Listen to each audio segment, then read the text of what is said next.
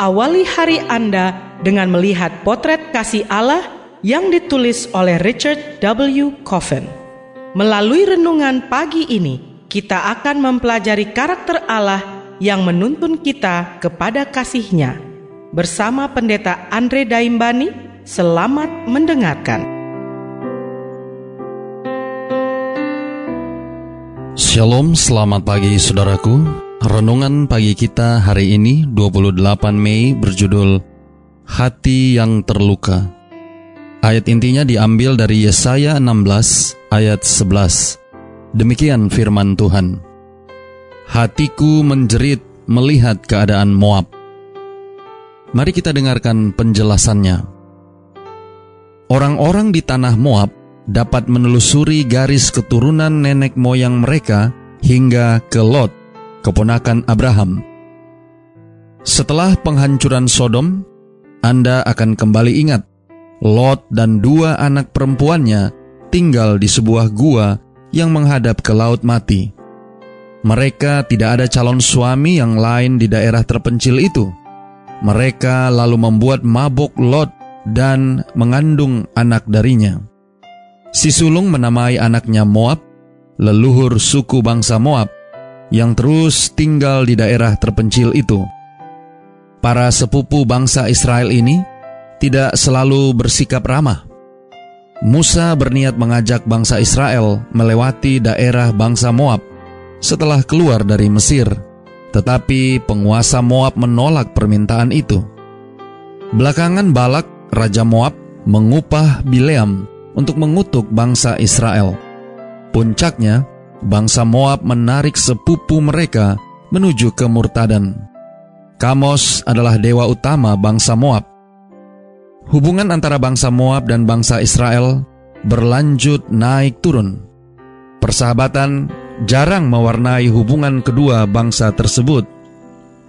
Allah memberi ramalan malapetaka melalui Yesaya untuk bangsa Moab yang angkuh dan terlalu percaya diri itu sebagaimana dicatat dalam Yesaya 16 ayat 6. Bangsa Moab pun mengalami masa-masa sulitnya. Rumput sudah kering, tidak ada lagi tumbuh-tumbuhan hijau. Dicatat dalam Yesaya 15 ayat 6, bangsa itu pun berpencaran melarikan diri, meninggalkan tanah air mereka. Sebagaimana dicatat dalam Yesaya 5 ayat 8 seperti isi sarang yang diusir. Demikianlah anak-anak perempuan Moab. Dicatat dalam Yesaya 16 ayat 2. Meskipun bangsa Yehuda menyadari bahwa sepupu mereka sedang berada di ladang mereka, Allah menyuruh mereka untuk melakukan apa yang beberapa abad lalu ditolak oleh bangsa Moab, membiarkan mereka lewat dan memberikan bantuan. Sembunyikanlah orang-orang yang terbuang. Janganlah kianati orang-orang pelarian. Biarkanlah orang-orang yang terbuang dari Moab menumpang padamu. Jadilah tempat persembunyian baginya terhadap si pembinasa. Dicatat dalam ayat 3 dan 4. Penghakiman atas Moab tidak boleh disambut dengan sorak-sorai.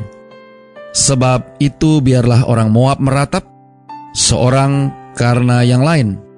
Biarlah sekaliannya meratap. Dicatat dalam ayat yang ketujuh. Selama masa penuh teror itu, orang-orang bersenjata di Moab berseru-seru. Jiwanya pun gemetar. Dicatat dalam Yesaya 15 ayat 4. Tetapi mereka sendirian dalam kegentaran. Allah turut pedih melihat penderitaan mereka dan bersama mereka turut gemetar, meski mereka bukan bangsa pilihannya. Aku berteriak karena Moab. Dicatat dalam Yesaya 16 ayat 11. Saudara-saudara yang kekasih di dalam Tuhan, begitulah cara Allah berhubungan dengan penderitaan manusia. Dalam segala kesesakan mereka, ia sendirilah yang menyelamatkan mereka Dicatat dalam Yesaya 63 ayat 9. Terlepas dari alasan penderitaan kita, Allah turut menderita bersama kita. Ia terluka tak kala kita terluka. Doa kita hari ini, Bapa terima kasih. Melalui renungan pagi ini, kami boleh mendapatkan satu pelajaran yang penting, bagaimana Allah juga merasakan apa yang kami rasakan, turut menderita bersama dengan kami. Terima kasih melalui renungan pagi ini, kami boleh memperoleh satu jaminan bahwa Tuhan merasakan apa yang kami rasakan. Tolong kami hari ini Bapa, biarlah melalui renungan pagi ini, dengan tuntunan kuasa roh kudusmu, kami boleh dapat mengambil pelajaran yang penting untuk kerohanian kami, agar kami boleh tetap yakin akan penyertaan Tuhan dalam kehidupan kami. Terima kasih Bapa. Inilah doa dan permohonan kami kepadamu. Semoga Tuhan senantiasa memberkati kita sekalian sepanjang hari ini saat kita melakukan aktivitas kita masing-masing.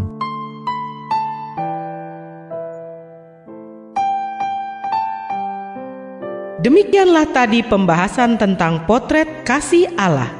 Semoga firman Tuhan hari ini dapat menjadi berkat bagi Anda. Sampai jumpa, Tuhan memberkati.